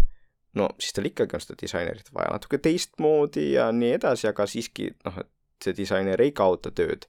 aga see disainer, kes nagu ütleb, et ei, mind ei huvita ja inimene on ikka ägedam, noh ilmselgelt tal on probleem äh,. nii et äh, kõige tähtsam siin nagu on inimestel teada, et me peame nendest süsteemidest teadlikud olema, me peame neid tundma õppima, me peame aru saama, kui nad kuidagi meie enda tööd nagu kas kohe või peagi hakkavad ära võtma ja siis nagu vastavalt nagu äh, ümber häälestama ennast, et midagi pole teha, need süsteemid on siin, nad muutuvad ainult võimsamaks, et, et, et seda, seda ei peata. nii et noh, selles suhtes on raske aeg paljudele inimestele aga, aga inimene üldis, üldjuhul on selline väga adaptiivne, see on see, mis meid liigina on toonud siia, et äh, me oleme siin mikrofonide taga ja salvestama ja ükski teine loomaliik seda ei tee, et me oleme super adaptiivsed, me suudame super kiiresti kohaneda ja need süsteemid sunnivad meid nüüd omakorda kohanema. Tarkvaraarenduses on räägitud väga palju just sellest, et kuidas see muudab seda tööd, ähm, kuna üllatus-üllatus, need, kes neid mudeleid arendavad, on ise tarkvaraarendajad. Ähm, siis ma arvan, et niisugune üldlevinud arusaamine on see, et sa ei saa täiesti ähm, võtta ära seda vajadust, et kui sa arendad mingit süsteemi või, või, või tarkvara, et sul ei ole ühtegi tarkvaraarendajat, aga võib-olla see üks arendaja suudab lihtsalt kümme korda rohkem tööd teha. ja, ja mida me näeme ka praegu, on see, et noh, see on tohutu efektiivsuse kasv, et äh, ma võin väga laheda näite tuua enda meeskonnast, kus äh, meil oli üks masinõppeinsener, kes siis arendab seda mudelit, mis ähm, tuvastab, et kas tõukeratas on korrektselt pargitud või mitte. ja tema on masinõppeinsener, ta on alati neid mudeleid ar äh, arendanud ja, ja nii-öelda on selle ala spetsialist. ta ei ole mitte kunagi ühtegi äppi äh, elu jooksul arendanud ja tal on alati olnud see mure, et noh, kui ma teen selle mudeli valmis, ma tahaks tegelikult testida seda, ma tahaks minna õue ja proovida kohe laivis saada tagasisidet ja vaadata, et kus see ei tööta ja kus see töötab. ja üks, üks selline esimene nii-öelda arusaamine, et mis nüüd on võimalik, oligi mul, kui ta rääkis, et näed, ma kulutasin kuskil kolm tundi, ma ei ole kunagi äppi arendanud, äh, ma koos chat GPT-ga genereerisin selle koodi ja tegin enda mobiiliäpi, kus ma sain seda äh, rakendada, mis nii-öelda selle chat GPT eelses ajas oleks tähendanud seda, et okei okay,, ma tahan seda testrakendust teha, ma lähen siis sinna teise osakonda, palun abi kelleltki, et kuule, saad sa aega võtta, et et niisuguse väikse rakenduse püsti panna, on ju, noh, sellega oleks nädalad läinud. tal läks kolm tundi ja ta suutis selle iseseisvalt ära teha. ja see ilmselt oleks olnud see väga raske, kui tal ei oleks üldse tarkvara arendamise kogemust. aga see, et ta suudab nüüd nii-öelda uude alasse minna kiiresti, esmased teadmised omandada ja seal prototüübi püsti panna, et see on lihtsalt nii fantastiline. Ja, jah, absoluutselt. Ja noh, neid selliseid lugusid on palju, aga noh, see on väga hea näide just sellest, et kui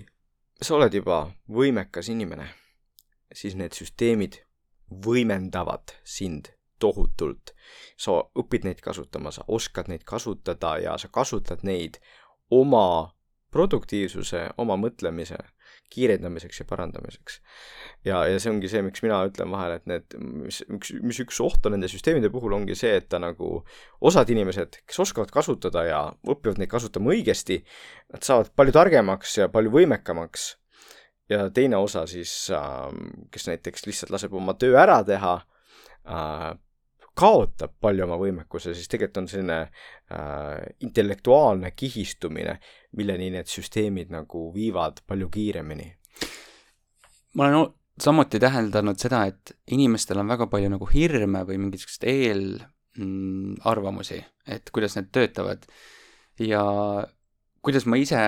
samamoodi olen seda kasutanud, on see, et noh, okei okay,, mingi ülivõimas juturobot on ju, lähed räägid, küsid mingid paar küsimust ära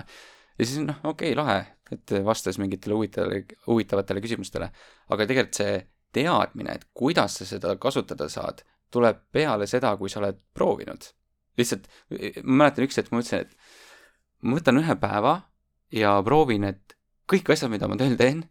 kas ma saan chat GPT-ga teha. ja ma olin nii üllatunud, kui palju asju, mida ma arvasin, et ma võib-olla ei, ei suuda teha, ta tegi sama hästi või paremini või andis vähemalt uusi mõtteid, kuidas millelegi läheneda. Ähm, ja mulle hiljem on paljud inimesed minu poole ka pöördunud isiklikult, et kuule, et aa, et kas chat GPT nüüd nagu võtab tööd ära või, või et kuidas ma seda, kuidas seda kasutama peaks või nii. ja ma olengi aru saanud sellest, et seal on täiesti nagu tükk puudu, et õpetada, kuidas seda tööriista kasutada. see tööriist on tohutult võimas, aga seda Äh, see ei ole nii intuitiivne, et kuidas ma nüüd seda saan kasutada. mõnes mõttes ta on väga intuitiivne, aga jällegi äh, si-, siin on väga suur erinevus, et ongi noh, teatud tüüpi inimesed, nagu ka sina, kes äh, leiavad selle, saavad ise hästi aru sellest, kuidas see töötab ja nii, äh, ja jällegi, see on see, neid, neid inimesi see süsteem võimendab, aga paljusid inimesi ja enamik inimesi, nad ei, nad ei saa sellest aru ja nad ei oska seda siduda, nad võib-olla proovivad, aga nad ei leia ja siis noh, neid see ei võimenda, nii et äh, ta on selles suhtes äh, selgelt nagu, nagu tööriist nagu, mida osad inimesed suudavad palju paremini mhm. enda jaoks kasu, tööle panna. sest ma arvan ka ühiskondlikult on see, et kindlasti seal on ohud, eks, nagu me mm -hmm. rääkisime juba hariduses. rääkinud, jah, jah. või noh, seda saavad mingid pahad, pahalased kasutada ära, et eh, võltsuudiseid või mis, mida iganes toota, eks ju. ja kindlasti ühiskonnana me peaksime seda arutelu pidama, eh, et, eh, et neid riske ja ohte maandada. aga samas me peaksime ka pidama seda arutelu, et kuidas seda rohkem kasutada. ja, ja, ja just neid, noh, et teadmisi levitada, et kuidas seda nagu on optimaalne kasutada, nii et täitsa nagu noh, tegelikult äh, nagu rahvusvahelises veebis on ju neid igasugu videosid ja õpetusi palju selle kohta, et kuidas nagu neid süsteeme kasutada, aga täitsa kutsun üles kuulajaid ka nagu tegema ka vastavaid eestikeelseid videosid ja äh, neid postitama, et nagu võib-olla mõned inimesed, kes muidu kunagi ei mõtlekski selle peale ka nagu näeksid, et oo, seda saab kasutada ja võib-olla noh, saaksid kasu eh, iseenda ja oma aju arendamiseks või oma töö lihtsalt produktiivsemaks ja sisukamaks tegemisel. Millele sina täna oma fookuse suunad, millest sina mõtled? no mõnes mõttes see on väga raske küsimus, sest ma olen aru saanud, et see on üks asi, milles ma tegelikult ei ole kõige parem, kõige parem nagu fookuse hoidja, et mul on hästi palju erinevaid projekte, noh, täna natuke läbi käinud ka siit, on ju, me rääkisime tehisintellektist, kus me teeme nagu täitsa sellist äh, tööd, kus me võrdleme nagu tehisintellekti ja inimeste psühholoogiat, on ju, siis teine projekt on, on ju see tehisintellekti teadvuse mm, teema nagu äh, ülekirjutamine. kolmas asi, millest me oleme rääkinud, on, on ju see hariduse teema. neljas asi, millest me oleme juba rääkinud, on, on ju see, et kuidas tulevad ahaa-hetked ja seal on veel juures mitu-mitu teemat, kus me uurime äh, mälu näiteks või me uurime seda, kuidas neid ahaa-hetki äh, virtuaalreaalsuse abil tekitada, kuidas aidata inimesi, kellel on depressioon virtuaalreaalsuse abil ja nii edasi, et selles suhtes äh, võiks öelda, et minu fookus on sellele, et äh, üritada mitu asja ära teha ja loota, et mõni nendest on nagu, äh, nagu huvitav ja, ja sisukas asi, et, et jah, nii umbes nii on. Et kui sa mõtled tuleviku osas, kus see tehnoloogia on juba mi-, mitmeid aastaid meie keskel olnud ja meie ühiskonda muutnud, et kas sa pigem näed asju nende võimaluste läbi või, või, või vastupidi, nende ohtude läbi või et kuidas sa tulevikku näed? mina, mis see, mis see huvitav ongi jällegi, et kui mul on see taust on ju psühholoogias ja, ja ajuteaduses ja ka tehisintellektis, siis mulle tundub, et ma näen alati neid ähm, mitmeid äh, kante, noh et see üks, üks näide, kus ma olen väga palju rääkinud, on ju, ongi see nutiseadmed, on ju, et ma kunagi ei suhtu nii ainult, et nutiseadmed on halvad, vaid nad võivad ka väga palju kasu tuua, samamoodi ka nende tehnoloogiatega. aga lihtsalt äh, ma ei ole mingisugune tehnoloogia entusiast ja ma arvan, et tehnoloogia entusiastid eksivad, sest nad ei saa aru tihtipeale, et inimese aju ei ole mingisugune ratsionaalne masin, mis kõiki neid vahendeid kasutab optimaalselt, vaid inimese ajul on väga palju loomulikke nõrkuseid. see, et me tahame uudsust, see, et me oleme tegelikult laisad, me tahame oma ülesandeid kergemini ära teha ja nii edasi, on ju. ja kui need süsteemid nagu rõhutavad rohkem neid loomulikke nõrkuseid, siis väga palju inimesi, väga suur osa inimkonnast läheb rohkem seda teed ja et kui me seda niimoodi vaatame, siis sellel on väga suured probleemid, eks ähm,. nii et see ei ole nagu ainult äh, positiivne või ainult negatiivne, ta on tõesti mõlemat ja väga palju sõltub sellest, et kuidas me ühiskonna, näiteks Eestis, seda inimeste teadlikkust äh, tõstame, et minu arvates ei tohiks siin olla nii, et me lihtsalt nagu nagu on olnud nutiseadmetega laste puhul, et me lihtsalt anname neile ja loodame, et kõik läheb kuidagi hästi. pigem peaks olema nagu, nagu autovõtmetega, eks, et sa ei anna sellele kaheksa-aastasele autovõtmele, mine, kuule, käruta ringi, sa õpid ära selle ja kõik on hästi, on ju. me ei peaks samamoodi tegema kõikide nende süsteemidega, vaid, vaid, vaid nagu tegelikult äh, aktiivselt andma teavet inimestele, et, et nad saaksid ennast kaitsta ja mitte ainult kaitsta, vaid nendest süsteemidest nagu aru, et kuidas neid optimaalselt kasutada ja ma usun, et äh, chat GPT on selline süsteem, mis nagu paneb meid mõtlema nendel teemadel, paneb meid tegutsema, aga ilmselgelt ta ei ole viimane süsteem, millega me peame tegelema, vaid neid süsteeme tuleb üha rohkem. ja seega, noh, me peaksime nagu üldiselt haridussüsteemis ja ka ühiskonnas mõtlema selle peale, et kuidas me inimesi nagu harime ja valmistame selleks, et, et see on nagu kõige tähtsam asi ja on muidugi kahju, et ta tuli niimoodi põntsuga ja et me ei ole valmis, aga ma arvan, et me siin Eestis nagu peaks üritama selle võimalikult kiiresti reageerida ja, ja inimeste teadmisi sellest äh, nagu äh, tõsta. see aju nõrkused on üks asi, mis mind ennast võib-olla kõige rohkem hirmutab, et kui ma mõtlesin, peegeldasin enda lapsepõlve, et mis olid need äh, tööriistad, mis minu tähelepanu endale varastasid või äh, ei lasknud mul keskenduda, siis noh, oli küll, eks ju, telekamäng või mingisugune arvutimängud, aga see oli nagu võrdlemisi vähevõimas või ähm, ta oli väga huvitav, aga see ei olnud nagu kõike hoomav. nojah, et tegelikult ikkagi meie generatsioonis ikka vähe oli neid, kes mingi viis tundi nagu arvutimängu mängisid, võib-olla üksikud olid. aga need mängud, noh, olid ikkagi hoopis teisel tasemel, on ju, nad olid igavamad graafiliselt ja nii edasi, tänapäeva mängud ühelt poolt nad tõmbavad nii hästi sisse, nad on loodud selleks ja siis meil on kogu see sotsiaalmeedia, Tiktokid, asjad, mis nagu ka nagu on loodud selleks, et inimesi seal võimalikult kaua hoida ja jah, kasutavad ära seda loomulikku nõrkust. siis mul on tunne, et nendel, kes on täna nii-öelda noored, kes õpivad, et neil on tegelikult väga-väga raske. Nad on, on. nii teistsuguses keskkonnas ja, ja, ja, ja, ja, ja noh, see ongi see põhjus, et see nutiseadmete teema ei ole ju kunagi olnud nagu minu enda keskne nagu uurimisteema, aga kui ma tulin Saksamaalt tagasi, ma vaatasin, et issand jumal, et keegi ei räägi sellest probleemist nagu Eestis või okei okay,, mul ei jää midagi üle, et ma pean rääkima, sest me peame lapsi hoidma, et see on, mida ma alati ütlen, et ma ei võitle nutiseadmete vastu, ma võitlen laste ajude eest, on ju. et tõesti äh,, sul võib olla nagu laps, kellel on nagu aju, mitte ta saaks ükskõik ettevõtjaks või muusikuks või ükskõik milleks, on ju. aga ilmselgelt, kui ta jääb kinni TikToki või arvutimängu, ta võib sinna kinni jääda ja kui ta jääb sinna kinni nii, et ta on seitse-kaheksa tundi päevas, siis ta ei suuda avastada ja rakendada oma aju potentsiaali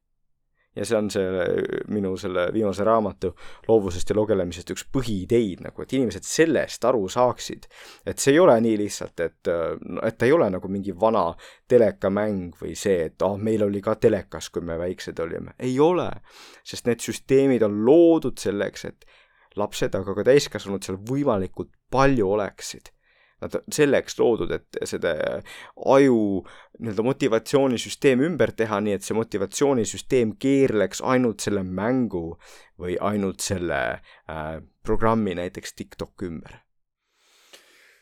see on väga tänuväärne esiteks, et sa oled selle võtnud enda asjaks. väga, väga tüütu ja raske ka, frustreeriv, et käid ja räägid ja inimesed noogutavad, aga midagi ei muutunud. mis mulle meeldib, on see, et sa annad praktilisi näiteid et põhiline asi ongi see, et ma arvan, et kõik tunnetavad seda, et see ei ole päris õige ja ma tahaks, et oleks teisiti, aga tihti ei oska. ja, ja, ja no kes, kellel kuulajatest kunagi on olnud mõni sõltuvus või mõni sõber, kes on näiteks alkoholist või narkootikumidest sõltuvus olnud, te teate, kui raske nagu täiskasvanud inimesel sellest vabaneda on. ja siis nüüd mõni tahab, et oh, mu kuueaastane on sõltuvuses sellest mängust, et palun tehke terveks. no ei, ei, see ei käi niimoodi. ainus võimalus neid asju ära hoida on see, et me ei, ei tekita üldse seda olukorda, kus meie kuueaastasel saaks olla sõltuvus mingist arvutimängust, on ju, noh. ja nii et jah, et see mm, on raske ja me peame neid asju nagu teadvustama ja noh, seda ma olen üritanud teha. see ei ole võib-olla õige asi, mida teha, aga kui seda nagu trendi jätkata tulevikus, et kui palju on neid asju, mis neid ajunõrkusi ära kasutab, et neid, neid tuleb ainult, mul, mul on jäänud mulje, et neid tuleb ainult juurde ja juurde ja juurde, et mul niisugune tunne, et ühel hetkel tekib selline nagu ajukriis, et komplekssus tuleb ühiskonnas juurde, meil nagu seda puhkeaega jääb vähemaks, meie nii-öelda ähm, selle dopamiini ja selle süsteemiga äh, manipuleeritakse nii, et äh, me optimeerime lühiajalist nagu tulu, eks, et et see, see on üks asi, mis mind kõige rohkem inutab ja, ja millega mul on endal ka kõige raskem tegelikult toime tulla. ja, ja mõtle sul, on ju, sa oled ilmselgelt väga intelligentne inimene, kes üldiselt suudab oma asju väga hästi kontrollida, teha asju, sa oled edukas, on ju. aga nüüd läheme selle inimese juurde, kes on nii-öelda tavaline keskmine inimene kui raske talvel on, eks on ju. et äh, need edukad inimesed, kes meist kuulavad praegu, nad ei saa arugi tihti, kui, kui raske nagu keskmisel inimesel tegelikult on nagu äh, kontrollida näiteks oma nutiseadme käitumist, ta võib olla kakskümmend viis, ta võib teada, et tal on kõik uksed lahti, aga ikkagi ta istub seal neli tundi Tiktokis, sest ta lihtsalt ei suuda teistmoodi. ja tõesti, et noh, et see ongi see põhjus, miks ma nagu selle probleemiga tegelen, et see lihtsalt ajab pahaseks, et noh, selle taga, kes on süüdi? Need on suured korporatsioonid, kelle eesmärk on teenida raha meie ajude ja mis veel hullem, meie laste ajude pealt. meie ei saa sellest mitte midagi, eks ja, ja, ja siis täpsemini sihitud reklaami. no ma ei tea, kas sa oled kunagi kas me oleme ta-, kas me tahame seda? jaa, ei no, ei no jah, et, et, et see, sulle tundubki, et see lahendus tegelikult, ainus lahendus, kuhu me tahame jõuda, et noh, mina olen üritanud seda teaduslikult arutada ja lapsevanematega, aga ainus lahendus, mis tegelikult saab tulla, mis on väga raske, aga nagu täna vist on juba siin ilmnenud, siis noh, ma tegelengi selliste asjadega, mis on väga rasked. aga see ainus lahendus saab olla see, et ärimudel muutub. ärimudel muutub, sest inimesed saavad teadlikuks, et äh, neid kontrollitakse, nende pealt tehakse raha ja et tegelikult on ju alternatiiv olemas. on olemas alternatiiv sellele kõigele, see alternatiiv on see, et äh, inimese, inimene ise kontrollib äh,, kelle, mis andmeid ta annab, inimene kasutab süsteeme, mis annavad talle informatsiooni ja ka huvitavat informatsiooni kiiresti, selle asemel, et üritada hoida teda neli tundi kinni, eks. et see alternatiiv on ju olemas ja probleem on lihtsalt see, et nagu inimesed vist ei oska küsida seda või nagu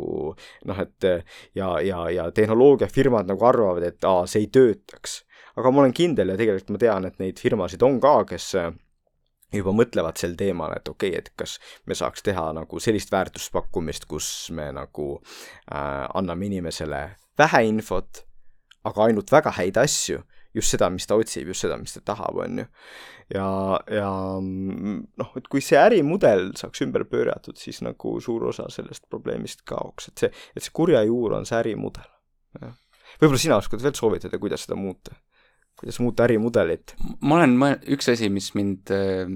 kohe algusest peale tundus eos nii ebaloogiline, oli, kui räägiti selle, noh, äh, Facebook lõi sellise nagu idee nagu meta universe, eks, kus kõik mm. inimesed tahavad panna prillid pähe ja veeta oma aega seal, et suhelda, noh, idee on nagu lahe, on ju, et sa saad suhelda teiste inimestega kuskil äh, teises riigis, kellega sa oled kunagi võib-olla koos õppinud, on ju, või töötanud, et et nagu äh, tood inimesed nagu lähemale, eks. aga see kuidagi eos tundus minu jaoks nii vastupidi sellele, et mida mina teha tahan. ma tahaks minna oma sõbraga koos äh, nagu matkama loodusesse, kus ma tahan, kus ma kuulen, äh, ma ei tea, linnulaulu ja, ja näen, kuidas kevadel äh, lehekesed tekivad ja, ja, ja, ja nii-öelda kogeda midagi vahetut, et saada eemale kõigest sellest. et mulle tundub, et ma loodan väga, et võib-olla rohkem inimesi mõistab ja saab seda aru ja just väärtustab seda, et kui oluline on olla nagu eemal kõigest, kõigest sellest, mis sind sinna sisse kisub. et eh, noh, võib öelda, et mida rohkem ettevõtteid pakub seda nagu alternatiivi, mida inimesed ka pikaajaliselt tahavad, ehm, seda, seda võib-olla rohkem me lähme sinna positiivse tuleviku poole. aga ma ei tea, noh, kui mõelda, et kuhu investeeringud lähevad, eh, ma ei tea, et kas see päris nii on jaa, aga noh, et äh, lootus on ja Eesti on,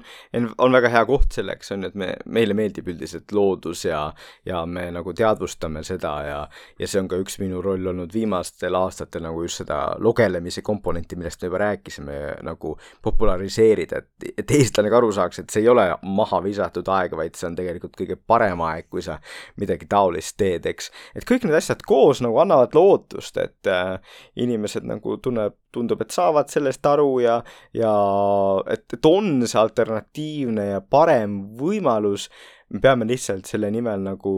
ühiselt tööd tegema. ma ütlen, et siia vestluse lõppu, kui ma olen lapsevanem või õpetaja, mida sa soovitaksid mulle, äh, et kuidas, kuidas alustada nende tehnoloogiate nii-öelda kasutusele võtmisega? no et tegelikult see ongi kõige tähtsam asi, et tuleb proovida, tuleb lihtsalt esiteks konto teha, proovida äh, oma mingeid ülesandeid, alguses küsida paar äh, rumalat küsimust ja siis hakata küsima küsimusi, mis on seotud rohkem minu tööga ähm,, sellega, mida võib-olla mu laps siis näiteks koduülesandeks saab et näha, kuidas see süsteem töötab. tähtis asi on siin öelda, mida me nii-öelda möödaminnes mainisime, et kui me teeme selle tasuta versiooni, kolm, kolm punkt viis hetkel, siis äh, see eesti keeles ei saa nii hästi hakkama. aga noh, et kui on võimalik, siis proovida seda tasulist versiooni kas või üks kuu ähm, kahekümne dollari eest, et, et siis me näeme, kuidas ta eesti keeles saab päris hästi hakkama ja just, et olla loov ja nagu teha seda, mida sina ka ütlesid, et sa lihtsalt, lihtsalt nagu pühendad aega sellele, et proovida neid ülesandeid, kui mu õpetaja näiteks, anda talle see, et äh, ülesanne näiteks, et, et loo tunniplaan, kus ma õpetan seda ja seda äh, ja jällegi, et, et mida inimene esimene kord, kui ta võib-olla seda kirjutab, ei taipa, et mida täpsemalt me kirjeldame seda, mida me tahame, seda täpsema vastuse me saame, et kui me kirjutame midagi väga üldist, saame asja, mis on väga üldine, kui me kirjutame ta täpselt, et näiteks, et seal tunniplaanis peaks olema sees äh, viieminutiline arutlusülesanne, seal peaks olema sees äh, lõpus ka näiteks need äh, mitmikvastustega küsimused, kirjuta mulle need küsimused ka noh siis, siis ta suudab neid asju teha, mida täpsemalt me sõnastame seda asja. ja kui te seda kasutate, siis te võib-olla alguses näete mõnda rumalat asja või siis ehmuta sellest, kui tark ta on ja siis teadki lihtsalt, et äh, ta alati ei ole rumal, alati ei ole tark, et ta on selline tööriist, mis on põnev, mis tekitab palju küsimusi teadlastes selle kohta, mida need tööriistad suudavad ja kas nad on teadvusel, aga igal juhul on need tööriistad siin selleks, et jääda ja meil on aeg kohaneda. see on väga hea soovitus ja ma loodan, et sa varsti, varsti vastad meile, kas nad on või ei ole ja et sinu teadusgrupi töö äh, aitab meil paremini aru saada, et mis see tehnoloogia on ja ka sinna, selle arengusse tegelikult läbi selle panustada äh,. nii ajuteaduses kui, kui masinaõppe ja tehisintellekti arengus eks näis, et on selline frustreeriv protsess, aga nii see inimese loovus käib, et ega teistmoodi ei saa. Äh, veri, higi ja pisarad ja seda ju GPT-l ei ole, eks on ju. Neid äh, keelemudelitel ei ole ei, ei verd, ei pisaraid ja, ja õnneks ei ole ka higi. seetõttu on nad vahel nagu meeldivamad koostööpartnerid